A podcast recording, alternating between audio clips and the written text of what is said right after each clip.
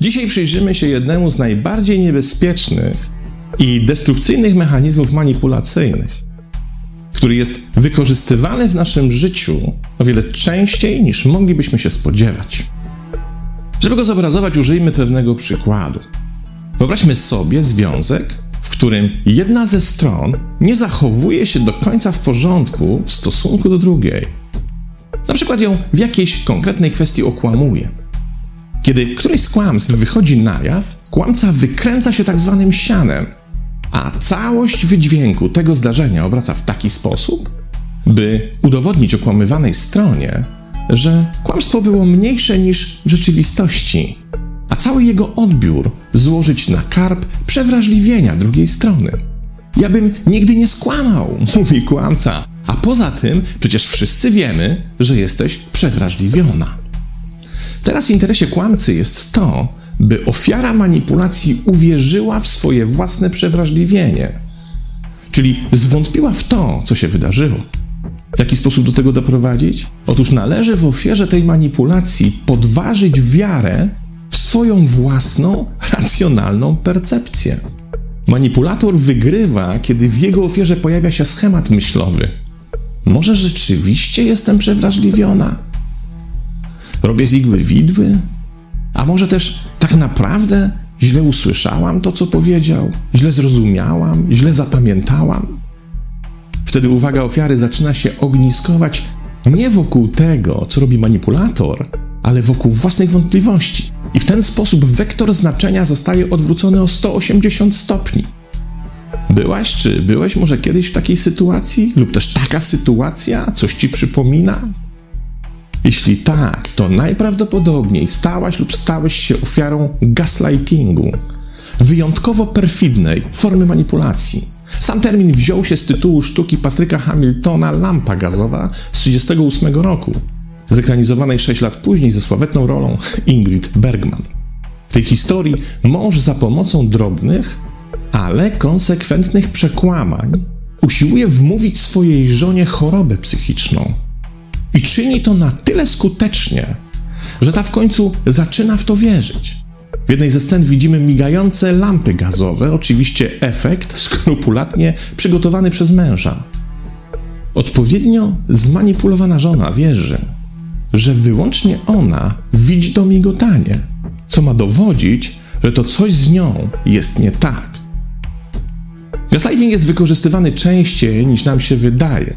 To sytuacja, w której szef w pracy na osobności chwali Twoją robotę, a później przy wszystkich na ogólnym zebraniu wypiera się tego, co powiedział, stawiając Twoją wiarygodność przed resztą zespołu pod dużym znakiem zapytania. Jak to słyszałeś, że Cię chwaliłem? Na pewno Ci się to nie przyśniło? Ja bym czegoś takiego na pewno nie powiedział. Hamska zagrywa? No a jakże? Albo inny przykład. Twój znajomy wielokrotnie mówił przy tobie, że jakiś polityk jest naprawdę w porządku. Po czym na wspólnym przyjęciu wiesza na tym polityku ostatnie psy, a kiedy próbujesz mu przypomnieć, że przecież chwalił się, że na niego kiedyś głosował, on idzie w zaparte i bezczelnie wmawia wszystkim, że nic takiego nigdy nie miało miejsca. A ty Jesteś przecież powszechnie znana, czy też znany ze swojej skłonności do konfabulacji. Albo jeszcze inny przykład. Wyraźnie pamiętasz, jak umawialiście się ze swoim współpracownikiem co do tego, kto ma wykonać określone zadanie. I nie dość, że on przypisanego mu zadania nie wykonał, to jeszcze przekonuje ciebie i wszystkich dookoła, że takich ustaleń nigdy nie było a ty po prostu wszystko zawsze potrafisz przeinaczyć. Co więcej, radzi byś popracował czy popracowała nad sobą, bo ta twoja cecha przeinaczania rzeczywistości staje się powoli nie do zniesienia. Mówi to zaś tak przekonująco, że ty sama czy sam zaczynasz się zastanawiać, czy czasem z twoją pamięcią coś rzeczywiście jest nie tak. Dr Robin Stern, autor książki Efekt gasnącego światła, wykazuje, że po długotrwałej, czy też częstej manipulacji w tym mechanizmie powstają konkretne zmiany w naszym systemie psychicznym. Im bardziej ktoś nami w ten sposób manipuluje, tym mniej odporni na tego typu manipulacje się stajemy. I niestety te zmiany drążą system jak kropla skały dzieje się to właściwie niezauważenie. Żeby wykryć, czy taka sytuacja ma również miejsce w naszym życiu, trzeba uwrażliwić się na wskazywane przez Szterna znaki ostrzegawcze.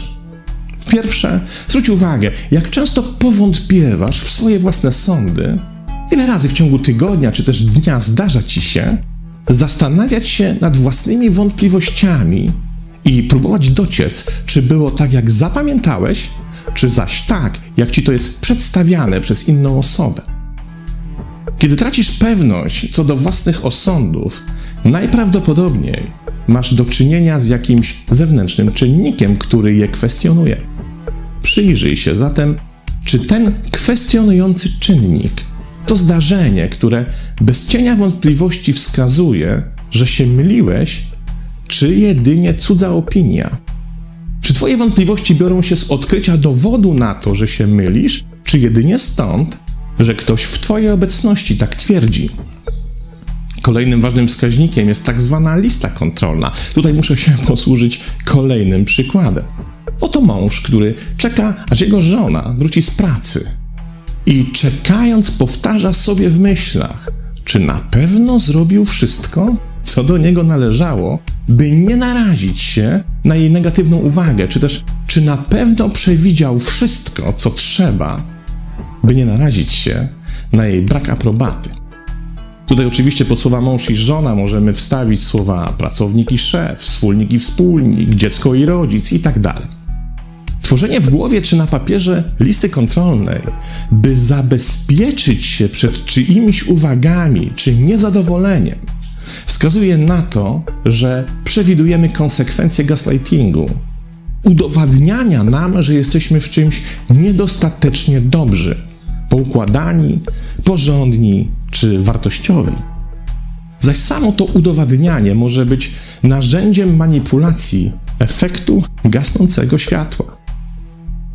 Kolejnym znakiem ostrzegawczym może być to, czy się zastanawiasz, czy rozpocząć jakiś, nawet błahy, temat rozmowy, bojąc się narazić na przykre konsekwencje wytknięcia ci jakichś błędów, czy nieścisłości, czy w ogóle tego, że ta niby niewinna rozmowa może być dla ciebie niekomfortowa, bo miast kontynuować temat, prędzej czy później zejdzie na wytknięcie ci jakichś niepożądanych zachowań. Łapiesz się więc na przybieraniu postawy przepraszającej za wszystko i tak na wszelki wypadek, byle tylko nie sprowokować partnera, wspólnika, szefa czy rodzica do przykrych dla ciebie uwag. Innym znakiem ostrzegawczym jest złapanie się na tym, że zaczynasz kłamać.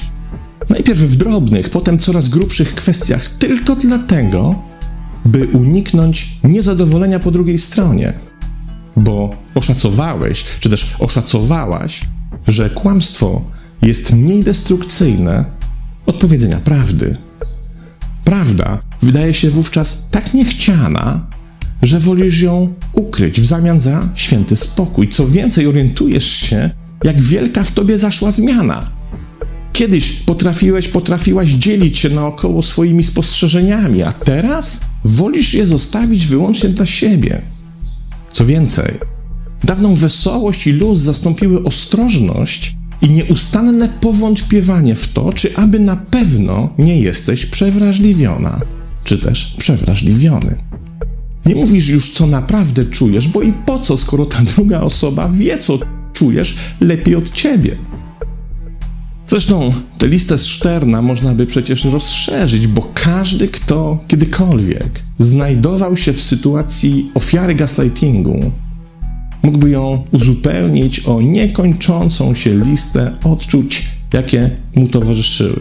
Jak się zatem wyzwolić z tego manipulacyjnego, relacyjnego piekła?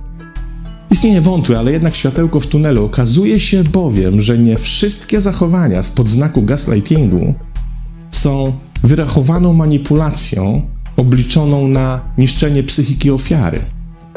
Wiele z tych mechanizmów i technik to zachowania nawykowe, z których czasem sam manipulator nie zdaje sobie nawet sprawy. Wówczas szczera, głęboka i odważna rozmowa o własnych uczuciach może wiele zmienić. Na początku, oczywiście, podjęcie takiej próby wywoła niechęć po drugiej stronie, nawet w skrajnych wypadkach złość i agresję. Warto jednak konsekwentnie drążyć skałę, aż w końcu, a na to zawsze potrzeba czasu, sam manipulator zda sobie sprawę z tego, jak wiele szkody czyni takim zachowaniem w waszym związku czy relacji. Kluczowym jednak tutaj elementem jest odwaga, dzięki której możemy wyjść z cyklu ofiary. Wiele razy pracowałem z przypadkami, w których ludzie bali się postawić swoim manipulatorom w obawie, że to spowoduje koniec relacji. I w wielu przypadkach tak się nie stało. Trzeba się po prostu umieć postawić i konsekwentnie bronić swojego prawa do samostanowienia, do własnych osądów i też własnych przekonań. Co zaś wtedy, jeśli dana relacja nie przetrwa tej próby? Ano nic. Po prostu oznacza to, że ta relacja nie była warta włożona, włożonej weń energii. Nie wszystkie związki są na całe życie. Na całe życie są związki wyłącznie szczęśliwe. Pozdrawiam.